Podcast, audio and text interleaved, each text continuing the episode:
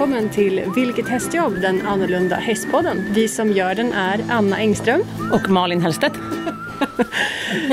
Vi finns ju överallt där poddar finns och prenumerera på våran podd. Då får du en pushnotis varje torsdag när vi lanserar nytt avsnitt. Det är gratis! Det är gratis. Vill du ha kontakt med oss så kan du göra det via vår mejl vilkethastjobb.gmail.com eller på vår Facebook eller Instagram. Där heter vi Vilket hästjobb. Vi eh, står ju ute på Rotbrunna häst och kursgård just nu och Malin håller på att göra i ordning sin jättefina häst. Exakt. Idag ska vi köra, inte live, men vi kör flygande reportage idag från eh, en VE-kurs, alltså ja. Working Equitation, som jag ska delta i här Superkul. i Enköping. Jättespännande. Ja, verkligen. Med en portugis som heter Nuno Avelar. Mm. Och han har tydligen då tränat, eller han tränar tyska landslaget som tog VM-guld i Working Equitation förra året. Det är svincoolt. Väldigt skojigt. Mm. Det ska bli väldigt spännande. Jag har aldrig ridit för honom förut. Så det blir, det blir roligt. Vi har precis kommit hit och kikat lite grann på hur han jobbar. Precis. Det, eh, ja. ja, vi har tittat på ett halvt ekipage kan man väl säga. Ja. Eh, ett halvt pass. Ett halvt. Kanske inte ett halvt ekipage, Nej. men ett halvt pass. Och eh, då jobbade de mycket med grunder mm. inom dressyren. Att hästen ska vara lydig för hjälperna, att den ska svara framåt för skänken och svara tillbaka för förhållningar. Mm. Så att han verkar väldigt noggrann.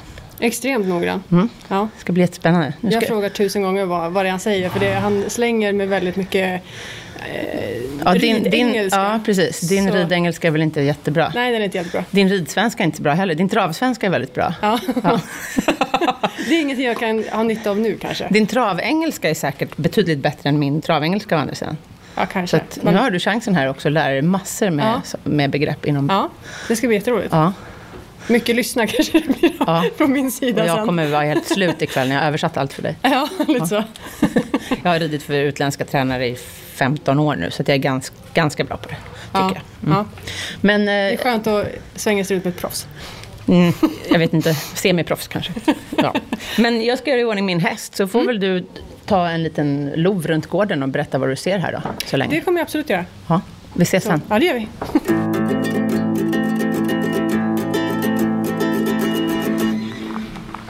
Jag står då ute på Rotbrunnas stallplan, eller stallbacke. Eh, och det man möts av när man kommer hit är ett extremt stort ridhus. Ett vitt ridhus. Och runt omkring här så är det jättemycket fina stallar.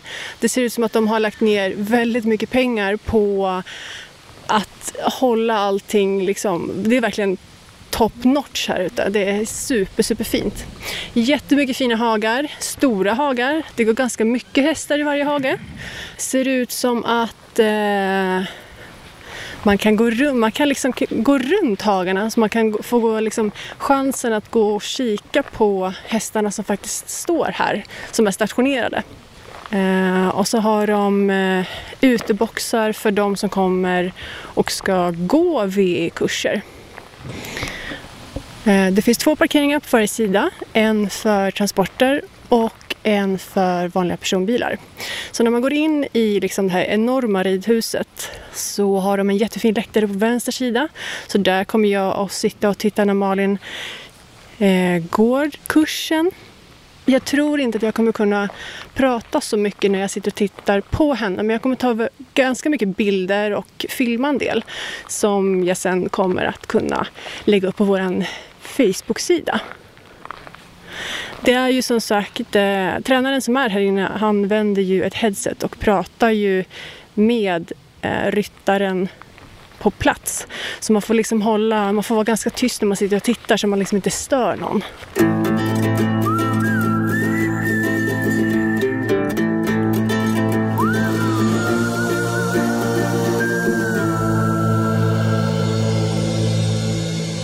Då står jag här med ägaren till den här fantastiska kursgården vi är på, Katarina Eningsjö. Välkommen till podden! Tack så mycket! Trevligt att ni är här. ja, superroligt. Det var en fantastisk gård. Ja, jag har försökt att bygga upp den med liksom ledordet harmoni och väldigt inspirerad av Portugal. Att skapa ja. en härlig stämning. Och det är roligt det när syns. portugiserna kommer hit som han där, ja de gillar det. Ja, men det syns. Och, det ja. syns. Jag tänkte höra lite eh, varför och hur liksom, du startar den här kursgården. Jo, det var väl egentligen så när jag köpte min första just Lusitano-häst, mm. som är en häst som används mycket för working equitation, eh, så vill jag lägga om mitt sätt att rida, bli mera i harmoni med min häst och inte mm. vara så frustrerad och sur på den, utan se vad gör jag? Och, och så kom jag på lite kurser, klassisk ridning och sådär. Och så var jag till Portugal och red fantastiska Lusitano-hästar och tänkte jag var på små moln flera veckor efter och tänkte att kan man skapa någonting åt det här hållet i Sverige? Ja. Dock inte med hingstar för det är ju lite pyssel. Mm. Utan jag mm. valde ston, de går på lösdrift mm. och sen så tar jag hit bra tränare. Och så ja. har det blivit akademisk träning som är mycket fokus på den här gården och klassisk ridning. Vad kul! Ja. Det är ganska mycket häst. Som är, hur mycket hästar har du som är liksom stationerade här? Som bor på gården är fördelat på två stall så är det ungefär 35 hästar. Oj! Ja. Gud, jag gissade på att det typ var tio. Ja, det är ett stall till uppe på gamla gården. Den här okay. anläggningen, så hälften, ungefär 16 bor i, i gamla anläggningen. Där är en traditionellt uppställning. Okay. Ja, stall på box och här där de flesta går på lösdrift. Ja. Mm. Nu eh, har jag följt med Malin och hon ska ju gå på kurs här. Hos, mm. eh, inte hos dig, men eh, på din gård i alla ja, fall. Ja, just det. Eh, och jag tänker, om man inte har en egen häst men vill göra lite samma sak, går ja. det liksom, hur, ja. hur gör jag? Och hur, hur... Ja, då har ju vi, vi har i alla fall fyra skolhästar då på ja. lite olika nivå som man kan hyra. Mm. Vi brukar ju föredra att man har kommit och lärt känna hästen lite grann innan man hyr dem för okay. för en instruktör. Men mm. det förutsätter ju att eh, en ödmjuk ryttare och mm. en ödmjuk tränare för att det inte ska bli så att hästen utnyttjas om du förstår vad jag menar. Ja, precis, Men det brukar funka alldeles utmärkt för de tränarna som kommer hit. Vad kul. Mm. Hur ofta eh, tar du hit utländska tränare?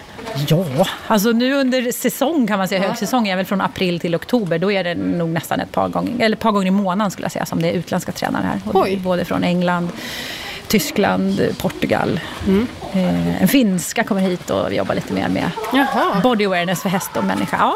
Gud vad roligt. Mm.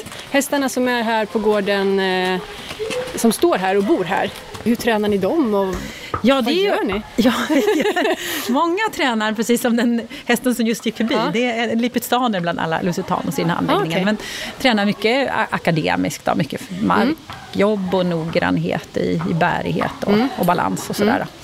Men annars så har vi ju walking equitation-tränare här mm. löpande. Då, två tränare som kommer hit regelbundet. Och vi hoppar lite ibland för det är bra för hästarna. Mm. Och och eh, sen har vi vår hemmatränare Camilla Frisell som är akademisk ridkonstinstruktör. Ja, ja, hon okay. har sina två hästar här. Ja. Yes. Gud vad roligt. Mm. Superkul att få prata med dig här. Jag rekommenderar verkligen att åka hit för det är, alltså, harmoni, det kan jag säga att det är det. det är superroligt att Det är målet. När man åker ja. härifrån då vill jag att man ska ha känslan, ah, när ska jag åka hit nästa gång? Ja. Då har vi uppfyllt vårt det, syfte. Ja, men det har ni verkligen gjort. Det tycker jag. Ja. Nu ska jag gå och kika på när Malin rider. Ja, kul. Tack snälla du. Tack, tack. sitter vi uppe i fikarummet. Precis, med Åsa Sid. Ja, välkommen. Tack. Och Åsa, du är ju väldigt aktiv inom Working Equitation, både som ryttare och som tränare. Eller Ja, precis. Och ja. håller på att utbilda mig till domare just nu. Aha, det också. Uh-huh. Perfekt. Då har vi fått tag i rätt person. Ja, verkligen. Mm. Eh, kan inte du berätta lite mm, snabbt vad VE är för någonting? Det bygger ju på dressyr i botten. Men man, man vill få liksom en användning av dressyren. Så att det handlar, man gör inte bara övningarna för övningarnas skull, som eh, det kanske mer är klassisk dressyr, utan man gör dem för att man ska ha användning av dem för någonting. Så att man till exempel gör ett galoppombyte eh, för att du gör det samtidigt som du gör volter runt tunnor och så vidare. Och du, du gör en ryggning för att du ska rygga genom en grind. Och det är väl väldigt inspirerat av ranch och Absolut. gårdsarbete, precis som till exempel trail. Absolut. Fast till skillnad från trailen som har sina rötter i västernridningen mm. så har working equitation sina rötter i vanlig dressyr. Um, och det är tre moment. Ja, precis. Ja. Det börjar med ett vanligt dressyrmoment som bedöms egentligen som vanlig dressyr förutom att man lägger mindre vikt vid gångarterna hos hästen. Man okay. tittar fortfarande på gångarterna men det är mera renhet och så vidare. Mm. Och, och min... Utnyttjandet av gångarterna ja, kanske precis. snarare än för att i working equitation tävlar ju alla mot alla. Det kan komma ett litet barn på en shetlandsponny som ska tävla mot ett halvblod med enorma gångarter och det meningen att man ska kunna tävla på samma villkor. Mm. Så man utgår från vad den här hästen har för möjligheter och hur ryttaren använder sig av, av hästens förutsättningar. Det är väldigt sympatiskt. Det är ju enligt mig egentligen så dressyr bör bedömas. Absolut, det tycker jag också. Så eh, det, och det är det som lockar väldigt många, för man kan komma med, med en annan typ av häst och så länge du maximerar hästens förutsättningar så, så kan du fortfarande få väldigt höga poäng. Jag gillar den typen av sport alltså. Mm. All, alltså det är öppet för alla och alla är välkomna. Precis. Det var en tävling jag var på här i våras. Då var det en mamma och en dotter Dottern var kanske tio år mm. som var och tävlade på samma tävling. Mm. De, de, red inte samma klass. Flickan red kanske lätt C eller lätt B och mamman red medelsvår. Och jag tyckte det var så himla trevligt. Jag pratade med, de hade matchande likadana kavajer. Och jag pratade med dem och, och, och så sa jag det att det här är ju fantastiskt, måste vara jätteroligt. Mm. Ja, det, det, sa de ju också att jo, det skulle ju inte gå på någon annan tävling, hoppning eller dressyr. Mm. För att flickan red ju ponny till exempel. Bara till att Hur många klasser finns det?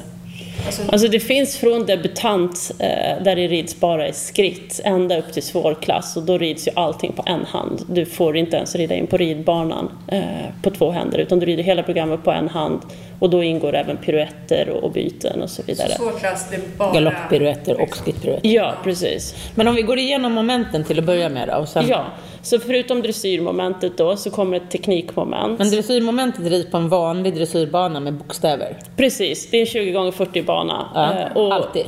Det är speciella program för VN, men ända upp i svårklass är det fortfarande bara 20 gånger 40 bana. Okay. Och det beror ju lite på att det är framtaget av bland annat portugiser och sporten är ju lite utvecklad för Lusitanon som ju inte behöver en 20 x 60 bana. Nej, okay. Eh, Sen är det kanske, det är ju ganska bra också för det öppnar ju upp för fler ridklubbar att ha den här absolut, typen av tävling. Absolut. Men det är samma då bokstäver som i dressyr? Ja. Så att förutom att det är speciella VE-program så tävlar man i lätt B, VE så måste man titta på det som heter VE lätt B. Man kan inte ta det vanliga Nej, okay. eh, lätt B-programmet. Men annars så, så är det ju liksom väldigt likt att tävla i vanlig dressyr. Ja. Nästa moment? Då är det teknikmomentet ja. eh, och då bedöms det eh, precis som i dressyrmomentet, man får poäng för varje enskilt hinder man gör på en skala från 0 till 10, eller från 1 till 10 då. Eh, och Sen är det precis som i dressyrmomentet så är det allmänna intryck på slutet. Precis som i vanlig dressyr. Mm. Eh, men det man gör under teknikmomentet det är ju att använda sig av dressyren till till exempel att gå över en bro, öppna en grind. Eh, det ska fortfarande göras snyggt som möjligt, hästen ska fortfarande vara samlad i förhållande till vilken klass man rider och så vidare. Men man ska använda det till någonting praktiskt och det ingår även hoppa över ett litet hinder. Och sen när man kommer upp i klasserna så ingår det även en hel del hinder med galoppombyten. Och eh, teknikbanan då, det är ju som en vanlig hinderbana kan man säga. Mm. Eh, som en hoppbana fast man inte hoppar över hindren utan angriper dem på alla ja. möjliga olika sätt. Precis. Slalom eller gå över en bro eller okay. gå igenom en grind. Mm. Så att man får ju bedömning, precis som i dressyren, att en sexa är godkänt. Och får man högre än en sexa så är det ju mer än godkänt så att säga. Är det en bestämd bana redan innan? Vet man om vad man, vad man ja. kommer till? Ja, oftast så är det så att banan släpps några dagar innan tävlingen men de måste inte göra det utan precis som hoppning kan det vara så att man kan få banskissen när man kommer till tävlingen. Eh, men oftast så brukar den levereras dagarna innan så att man har möjlighet att, att titta på den innan. Mm. Men det är inte så att man kommer att få hitta på själv hur man Nej. ska gå? Nej, utan det är ju precis som i en hopptävling så är det ju en färdig banskiss där det står liksom hinder 1, hinder 2, hinder 3 och så vidare. Man måste ju ta dem i den ordningen. Men hos oss så är det bara ett enda hinder vi hoppar över. Ja, eh, de övriga hindren så, så handlar det om en svårighet man ska lösa helt enkelt. Till exempel då gå igenom en grind. Mm. Som, mm. som trail. Och sista momentet? Och sista momentet, det är kanske det som folk mest förknippar med working equitation, det är speedmomentet. Och det är det man ofta ser när man söker på Youtube och så vidare. Och då går det helt enkelt ut på att rida en teknikbana, fast man får inte längre några poäng för hur snyggt det är, utan det är bara tiden som spelar någon roll. Så man ska helt enkelt man ska lösa alla hindren så som det är skrivet i TR att de ska lösas, men det ska göras så fort som möjligt. Ungefär som en omhoppning? Precis, det mm. är helt jämförbart med en omhoppning. Men det brukar vara ganska precis samma bana som i tekniken? Det kan vara det. Oftast så för att det inte ska vara eh, omöjligt för arrangerande klubb så gör man oftast så att det är nästan exakt samma bana. Man kan ändra något hinder eller två mm. hinder. Men det finns ingenting som säger att det måste vara så i TR utan det kan vara två helt olika banor. Det okay. kan vara så att man kan bygga om banan helt emellan. När man rider det här utomlands är det oftast över tre dagar. Så man rider dressyrmomentet en dag, sen rider man teknikmomentet en dag och sen tredje dagen rider man speeden. Och då är det oftast en helt annan ja, då bana? är det är alltid en helt annan bana. Men då har de ju möjlighet att bygga om. I Sverige så gör man oftast så att man rider dressyrmomentet först och sen eh, efter ja, 30 minuter till några timmar så rider man teknik och sen rider man precis som man ofta gör i hoppning, att man rider omhoppningen direkt efter för att spara tid. Eh, Så därför har det oftast blivit så i Sverige att det är samma bana igen. Men det, Okej. som sagt var, det är inte inskrivet någonstans att det måste vara så. Okej. Kan man ställa upp en gren? Nej, det kan man inte. Anmäler man sig till en klass då rider man alla. Alla tre så, momenten. Ja, så för att kunna placera sig eller för att kunna tillgodoräkna sig sitt resultat måste man ha tagit sig igenom alla. Så att även om jag vinner två momenten, säg att jag vinner dressyr och teknik men inte tar mig runt speeden, då kommer jag komma efter alla andra. Ah, eh, då som kommer har man... tagit, så det spelar ingen roll att de andra kom sist i varje enskilt moment. Eh, De kommer fortfarande placera sig före mig om de har tagit sig runt. Det har jag gjort två gånger. När jag har ridit fel hinder på något av momenten. Jättekul. Då blir man diskad i det momentet. Det är för att du inte kommer ihåg banan, eller? Vad? Insinuerar du att jag är dum? Nej. Nej, lite trög. Hon sa det ganska tydligt till och med. Ja, ja, jag tyckte det också. Jag försöker bara klargöra det här, Anna. Tack, tack.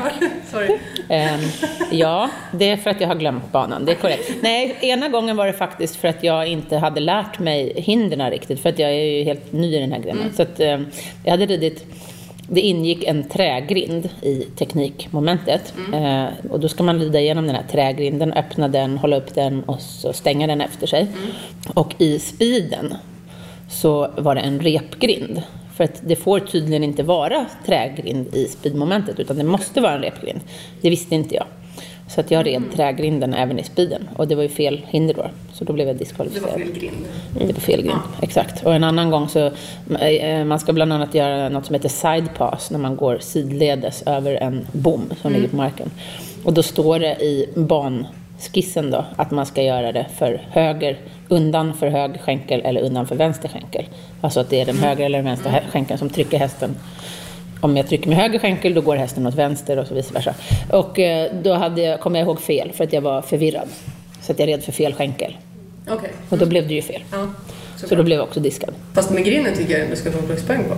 Eller hur? Jag tog den svårare svårare gren, grinden. Precis. Ja, jag, ska, jag ska åka tillbaka och säga det till dem. Jag tävlade här för ett och ett halvt år sedan och eh, min partner tycker att jag borde fått en rosett. Ja, tack Anna.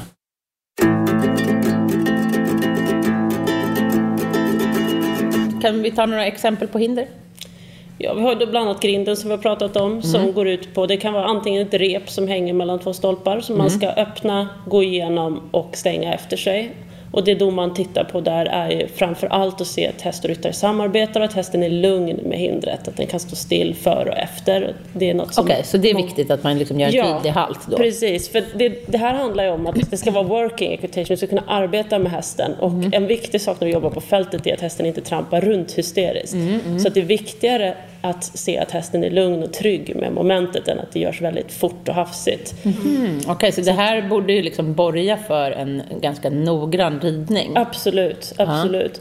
Så grinden är ett exempel, sen har vi då hopphindret som får vara upp till 60 centimeter i working equitation. Så, att- och det är många, många tanter som tycker att det är väldigt läskigt högt ska jag säga. Så att, eh, Äh, inte bara tanter, Nej. även Åsa. Även jag, Ja. som nu kanske får klassa mig som tant snart, tycker Ja. att det är väldigt läskigt med hindret. Men nu har jag kommit över den skräcken. Även din häst tycker väl att det är ganska läskigt? ja, vi, vi är både, kanske mest på grund av att jag säger del om att vi kommer dö. Men eh, Ja. Vi kommer över det numera. Ja. Sen har vi ju slalomhinder. Ja. Eh, som i lätt klass egentligen bara går ut på att man ska trava slalom. Eller Eh, fin- skritta. Eller skritta, ja precis som man rider debutant. Eller övergångar. Precis. Eh, Det är som serpentiner kan man säga va? Ja, precis. Det som heter enkelslalom, då är det som serpentiner.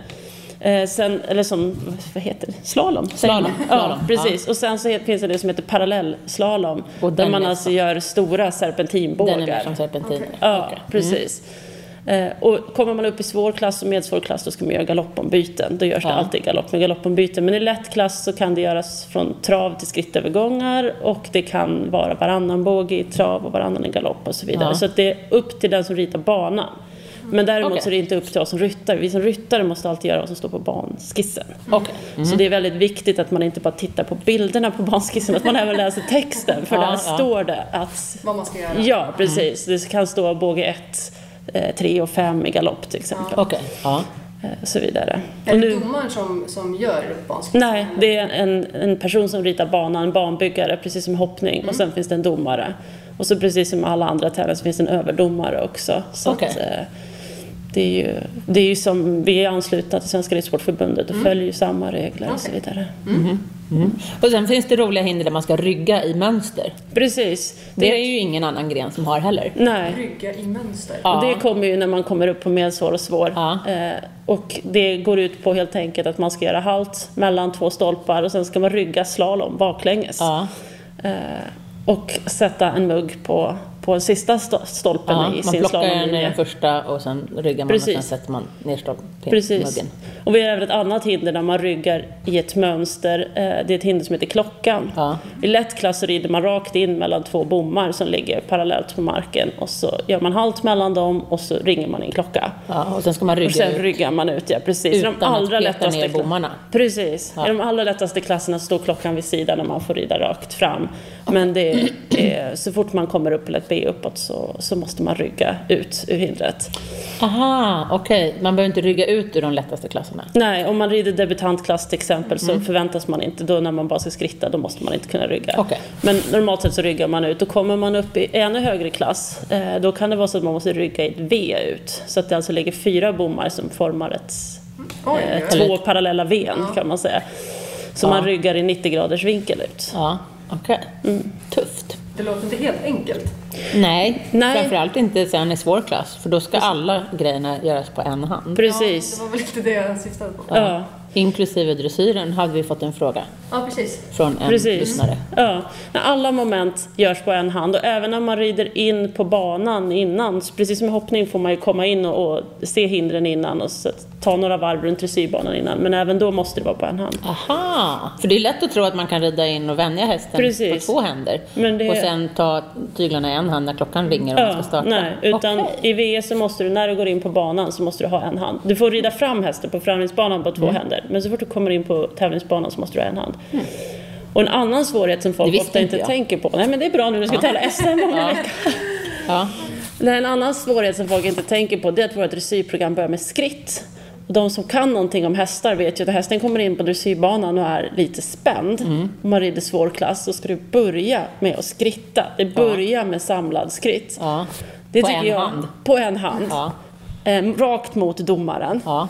Vilket alla som kan någonting om hästar vet Ja. att det är ganska svårt faktiskt. Det är så mycket lättare att börja i trav så att du får jobba igenom hästen Ja, lite. Men vi ska ju komma in och precis som i vanlig dressyr så kan det vara så att om det är ett ridhus som är brett nog att du får rida runt utanför dressyrstaketet. Mm, Det är precis som i vanlig dressyr att då får du inte ens rida in utan då ska du direkt upp på medellinjen och Mm. eh, göra halt. Så då har du inte ens hunnit visa hästen banan. Nej. Och så är det bara rakt in och sen ska du skritta. Mm. Det är jättesvårt. Men det är väldigt roligt. Det är väldigt, väldigt roligt. Och, och jag menar, det, här, är- det finns ju nivåer ända ner till då den här debutantklassen där man skrittar runt hindren och upp till svår klass. Så det finns någonting för alla. Så att man ska inte bara titta på portugiserna som rider jättesnyggt på en hand och tänka det där kan inte jag göra. För det finns jättemycket klasser även för de som kanske är på en nivå att de kan skritta och trava och galoppera men inte så mycket mer. Och det är verkligen kul för det är ju alla typer av hästar när man är ute och tävlar. Absolut. Tinker, ardenner, halvblod, jättestora tjusiga långbenta halvblod, lusitano, ponnys och alla dess möjliga färger också. Precis. Och det är det som är så roligt när man har tre olika, tre olika moment så här att eh, det finns liksom fördelar och nackdelar med olika typer av hästar. Så om man säger i till exempel dressyren så är det klart man Även med den bedömning vi har så är det klart man har en fördel med ett halvblod som ofta har väldigt rena fina gångarter. En iberisk häst till exempel som jag har har ju lite lättare att tappa takten.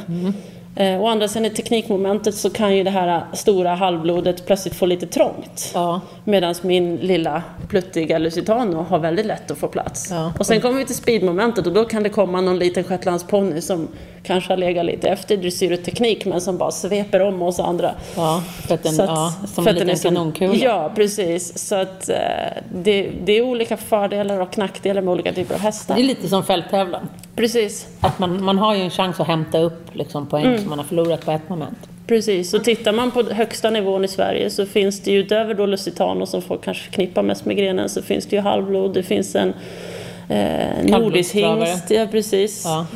Eh, så att det finns, eh, det finns även andra. Man måste inte köpa sig en Lusitano eller en PRE för att tävla i VE. Nej. Vad har man för utrustning liksom på sig? Är det något så här stil, är det någon stilbedömning eller är det... Det är precis som dressyr, att det ska, vara, att det ska se snyggt och enhetligt ut. Eh, vi får rida i kavaj eller väst. Eh, Inte säkerhetsväst då, utan Nej. en snygg väst. Precis, utan en, en riktig väst så Och att en säga. skjorta. Och en skjorta. Den måste Eh, inte vara ljus. Nej, måste Nej. inte vara ljus och den måste inte vara långärmad. Okej. Eh, vilket sannolikt kommer ändras. Men just nu så är det så att det är okej även med en kortärmad eh, och så väst. Inte så snyggt, så jag skulle inte rekommendera det Nej, av säkerhetsskäl också. snyggare. Ja, ramlar man av Precis. gör det ont. Och sen så måste vi inte ha vita ridbyxor utan det står att riddräkten ska ge ett enhetligt intryck. Mm. Så att jag till exempel tävlar i marinblå ridbyxor och marinblå väst. Och vit Eh, skjorta. och så vit skjorta Ja. till det. Eh, Det tycker jag är lite snyggt att bryta av från den vanliga klassiska Mm. tävlingslooken med blå kavaj och vita ridbyxor. Mm. Själv är jag ju inte så förtjust i engelsk ridutrustning överhuvudtaget. Så jag har en mm, lite mera kråsig skjorta och eh, ett par beiga ridbyxor och en ylle, liksom, eh, smårutig ylleväst. Och eh, oftast portugisiska ridstövlar. Precis, och det är helt okej. Så länge det är ett snyggt och enhetligt intryck så, så är det Ja. upp till var och en. Får man ha med sig sporrar och spö? Du får ha sporrar. Eh, Spö får du inte ha inne på banan. Nej. Utan, men du får ha det när du rider fram. Precis som på dressyrtävling. Ja, precis.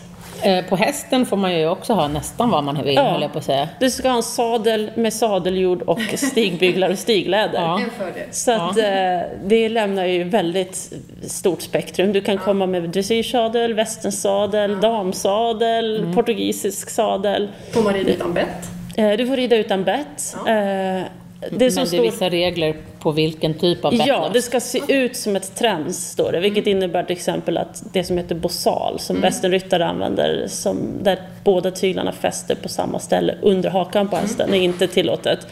Eh, men däremot, och inte heller en ridrepgrimma eller någonting, för att det, det ser ut som en grimma. Okej. Fram, Men- Framförallt står det väl att tyglarna ska vara fästa på sidorna Ja, av huvudet. precis. precis. Och sen, men sen så är det även sagt att det ska se ut som ett träns. Okej, du så får inte repgrimma till exempel går också bort. Det går också bort, ja, Ja. precis. Men däremot så går det alldeles utmärkt att rida på sidepull eller... Hackamore. Precis, hackamore går jättebra. Eh, och du får rida utan nosgrimma om du vill. Mhm. Det får du inte i vanlig dressyr men det tillåter, tillåter man inom VN. Och det är mycket flera bett som är tillåtna. Man får Absolut. rida till exempel på pelan. Ja, det beror lite på vilken klass man rider. Eh, rider man lätt klass så får man inte ha en ren stångverkan. Det vill säga om du rider på ett pelham så måste du ha delta så att du får både stångverkan och bridongverkan. Eh, från medelsvår och uppåt så, så får man rida på, på två tyglar eller rida på, på bara stångverkan. Mycket bra. Det, det lämnar ju lite mer utrymme för att välja det hästen kanske trivs bäst med, Absolut. tycker jag. Ja, Det är väldigt sympatiskt. precis. Och det är inga åldersklasser? Liksom, Nej. Ålders, utan det är Nej, och vuxna får rida ponnyer om de vill så länge det står bara att ekipaget ska se proportionerligt ut. Jaha. Så att är man... Du får inte rida Winnie här heller, Anna. Nej. Hon såg så, för en liten, liten kort sekund såg, hon såg, såg man liksom glimten av hopp tändas i Annas ögon. Men nej, tyvärr Anna. Men Mr Magic Man får du vara med med. Ja, det kan jag... Där ser det proportionerligt ut. Mm, ja, Ja. precis. Ja. Ja. Vi jobbar ju för att vara så inkluderande som möjligt. Eh, Så att vi vill inte exkludera någon på grund av att, att de kanske har hunnit bli eh, 19 år gamla. Om Eller de, 90. Eller 90 år gamla. precis. Utan ser det bra ut, om ekipaget funkar, om utrustningen funkar, då kör man med den. Med några få undantag då, för att det är fortfarande, det är ju baserat i dressyr och det ska ju se lite grann ut som att du har till exempel att det sagt att det ska se ut som ett träns. Så att du inte fäster ty- tyglarna i en grimma när det finns utmärkta sidepull med samma effekt som ser ut som ett träns.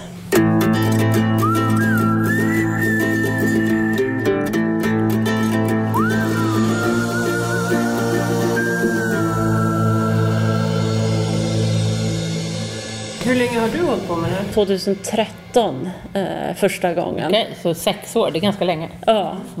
Men jag gick ut ganska hårt får jag säga. Så att jag började 2013 och 2014 så, så sökte jag, där gjorde Ridsportförbundet en satsning på framtida landslagsryttare. Så att då kom jag med i det programmet och var med i det Men programmet du har inte år. kommit med i landslaget än? Nej, eh, Sverige, Sverige har faktiskt bara haft ett landslag. Jaha. Eh, och det var ju förra året Okej, på, okej. på VM eftersom Sverige, eh, vi ingår ju i Svenska Ridsportförbundet som sagt var och det innebär att vi inte rider på kor. Nej, Eh, för det är en kogren med ja, internationellt. det är ett fjärde moment som ingår i lagklass internationellt, aldrig individuell klass, men i lagklass. Eftersom vi inte rider på kor så innebär det att vi fram till förra året aldrig har kunnat starta med lag. Att rida på kor då, det betyder inte att man byter ut hästen mot en ko. Utan det, betyder, ja, utan det betyder att man jobbar med kor från hästryggen. I lagmomentet Precis. så ska man väl, det är väl typ, vi har ju haft cutting i Mm. ett avsnitt, där man väljer ut, när man skiljer ut en ko. Och det är väl ungefär som Ja. cutting, eller? Precis, det handlar om att skilja ut en ko. Man jobbar i lag men det är en person som tävlar åt gången så de andra tre i laget har bara som jobb att se till att de andra kossorna inte smiter. Och så ska man ta en kossa från ena, banan, ena delen av ridbanan till den andra. Eh, Och varför har vi inte det här momentet i Sverige? Eh, därför att eh, en, enligt FI och Svenska Ridsportförbundet så, så är det inte riktigt schysst mot korna. Eh, tyvärr så har inte vi en internationellt samma regler som västernridningen har, att man inte får stressa korna och så vidare. Utan det har förekommit att ryttare från andra länder har jagat kurserna ganska intensivt. Okej. Och det är inte något som vi i Sverige vill stödja. Så Nej. därför har vi, eh, och egentligen för oss så är det inte ett val. Vi ingår under Svenska Ridsportförbundet som ligger under FI och FI tillåter inte att man driver kor. Okej, så det är inte bara i Sverige utan det finns Nej. även andra länder? Precis, alla länder vars ridsportförbund har, där VM ligger under deras ridsportförbund, deras nationella ridsportförbund, har samma problem. Ja, Anna, nu har vi bytt media här. Helt och hållet. Ja. Eh, via min iPhone. Ja, våran inspelningsutrustning Den la av. Så vi får, ni får överseende med att ljudet kanske är lite sisådär. Ja, Men vi om inte annat blir, blir det säkert annorlunda nu. Ja, exakt. Men eh, Åsa, vad är din nästa satsning nu? Just nu så är det ju en vecka att vi har riksmästerskap i Exakt. Working Equitation, så det är ju det som är mest Där fokus ska jag nu. också vara med. Där ska du också vara med. Ja, har över, Åsa har övertalat mig. Precis. Jag tycker att det är viktigt att, att eh, vi får så många starter som möjligt och att framförallt så tycker jag att det har gått bra för dig. Ja, tack så så jag mycket. tycker det vore tråkigt om du inte kom till start. Nej. Eh, Men Jag trodde du bara ville ha fler att slå. det kan ha med det göra också. Ja. Nej, men jag tycker att det är väldigt roligt att det blir lite fler starter. Det är Ja. tyvärr lite tråkigt på, på högre nivåer i, Ja. i V-klasser att det är lite tunt i startfälten. Eh, Men det är ju en ganska ny gren. Det är en väldigt ny gren och eh, den ökar väldigt snabbt numera. Så Ja. jag tror att inom ytterligare några år så, så kommer det finnas överallt i hela Sverige. Just nu så finns det ju lite grann ett VM-mecka runt Uppsala. Eh, där vi ofta fyller tävlingar. Precis som i dressyr så handlar det om att man måste sitta redo när när klasserna öppnas på tävlingsdatabasen och anmäla sig direkt för de kan Okej. bli fulla inom Ja. några minuter. Ja. Eh, Men i resten av Sverige så är det ju än så länge ganska tunt Ja. i startfälten. Men eh, jag tror att det är fler och fler som upptäcker det här varje år. Ger vi det några år till så, så kommer det nog vara mycket större. Eh, Men här En gren på frammarsch. Absolut, just eftersom den är så inkluderande. Det är nog, skulle jag vilja säga, den mest inkluderande ridsporten just nu eftersom du tillåts starta alla åldrar, alla raser, all typ av utrustning med några undantag. Så, Vet man några liksom ridskolor som aktivt Absolut, kör? Ja. absolut. Det finns flera ridskolor som aktivt pushar för det och, och som eh, väldigt många fler ridskolor har det numera på programmet. Många ridskolor hör av sig och vill ha sina ridlärare utbildade. Det är ju Så jättekul. Att, eh, jag tror att, att väldigt snart så kommer det här eh, kanske vara så att det är den tredje största hästsportgrenen eh, i Sverige efter hoppning och dressyr. Ja, det är, Coolt. Ja, du tror att den har chans att kliva om fälttävlan till exempel? Ja, Absolut, det tror jag. Vi måste ha några år till på oss, Mm, men jag tror att, att eh, vi, vi talar till en sån bred massa av hästägare. Och också en väldigt, eh, den främjar ju god ridning som sagt och eh, ett gott samarbete med hästen. Absolut, och det är det som jag tycker är nästan viktigast, att det främjar ett gott samarbete med hästen eh, framför fantastiska gångarter eller Enorma hinder. eller- Ja, precis. Att du kan hoppa jätte, jättehögt. Utan du kan komma med din fjording Ja. och har ni ett bra samarbete och, och ni funkar bra ihop så kan ni absolut vinna även höga klasser. Ja. Och det är det som är så roligt. Ja, det är Att- fantastiskt kul. Ja, precis. Ja. Um, apropå riksmästerskapen så kommer vi att spela in Därifrån flygande också. där också. Så att vi kommer att haffa dig jaha. även där. Vad roligt. Om det handlar om att du ska tråka mig för att du har slagit mig. Åsa ser nu skräckslagen ut. Åh, vad kul! ja, så att, um, glöm inte att lyssna då också. Precis. Men det börjar bli dags kanske att runda av här. Ja. Men eh, vi brukar alltid ha eh, ett eh, tips. Veckans tips har vi i varje avsnitt och det brukar våran gäst få stå för. Har du något bra tips som du skulle vilja ge till lyssnarna? Alltså mitt bästa hästtips är att våga vara allsidig med sin häst tycker jag. Ja. Eh, att våga testa nya saker, eh, våga ha kul med hästen. Och då kommer det att synas även i tävlingsresultaten. Satsar Ja. man bara på tävlingsresultat så eh, blir det oftast inte lika bra. Så mitt bästa tips till ryttare där ute är att våga vara allsidiga med sina hästar. tycker jag är ett lysande tips. Och det är många inom VE. Jag, jag brukar titta, sitta och titta på resultatlistor och sådär. Och eh, tittar man på VE-ryttarnas resultat så är det många som tävlar i alla möjliga grenar. Absolut. Vilket jag finns- tycker är väldigt fascinerande och spännande. Ja, det finns hoppryttare på 1,40 nivå och folk som rider svårklass i dressyr Ja. och så vidare bland våra ryttare också. Så att vi är inte någon avstjälpningsplats för dåliga ryttare som inte har en chans att lyckas åka en dressyr. Ja. Det, det är jättekul. Eh, om, man, om man ska välja ett hinder att träna på, vilket tycker du är det mest kompletta? Alltså, personligen tycker jag att tre tunnor är ett oerhört komplett hinder. För det Ja. för, förbereder ju för nästan alla de andra hindren. Absolut. Jag får nästan säga att jag håller med dig där. Ja. Eh, För att det tar med många av svårigheterna i VE. Eh, Det enda som saknas i tre tunnor det är stillastående momentet. Men det kan man ju lägga in. Man kan göra halt istället för galoppombyte.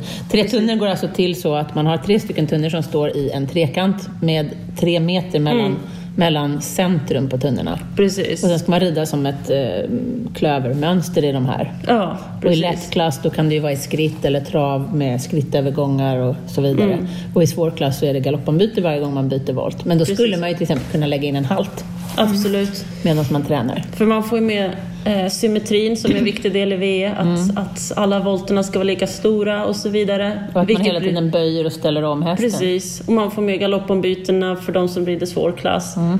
Eh, Så att man får med mycket av det som är viktigt i VE och det som gör det så roligt med VE är att det blir så tydligt. Om man skjuter ut en, en halv meter extra så syns det väldigt tydligt när man gör en Ja. volt runt en tunna jämfört Ja. med vanlig dressyr där det inte riktigt syns om man, om man flyttar sig en halv meter hit eller dit. Nej, det, nej Så att- absolut. nej, det, det är ett jätteroligt hinder. Men sen så vill jag också flagga för att det är väldigt många VE-hinder som handlar om att bara kunna stå still med sin häst. Mm. Och det är inte så lätt som folk tror när det är hög musik i högtalarna och flaggorna fladdrar i vinden och du är nervös och så vidare. Och hästen är van också vid att gå speed. Precis, För ju mer speed man rider desto hetare kanske hästen blir. absolut. Därför brukar jag tipsa folk också om att kanske inte träna jättemycket speed i början och även när man tävlar i början strunta i i speedmomentet att rida fort där. Utan ta det lugnt i början med hästarna så kommer ni ha igen det senare. Eh, Utan speeda med hästen det gör man när hästen är trygg och säker och vet att den ska ta det lugnt i hindren. Och även när man börjar rida fort så kan man kanske ta, stå still någon gång, offra en tävling, att man ställer sig och står still och bara tar det lugnt med hästen så Ja. den lär sig att springa fort det gör man när matte säger det och inte när klockan har ringt. Lite samma med omhoppning tycker jag. Precis. Ja, men jätteroligt att ha dig med. Superkul. Tack så hemskt mycket. Varsågoda. Tack. Ja. Och tack för idag Anna. Tack för idag. Ses vi på Riksmästerskapen nästa helg. Mm, det gör vi. 17-18 Ni får komma augusti. dit. Mm. I Surahammar. Det tycker jag. Ja, vi, ska vi vill ha mycket pompoms. publik. Anna ska stå med pompom som ska vara min lilla hejaklack. Ja. Tack och hej! Hej!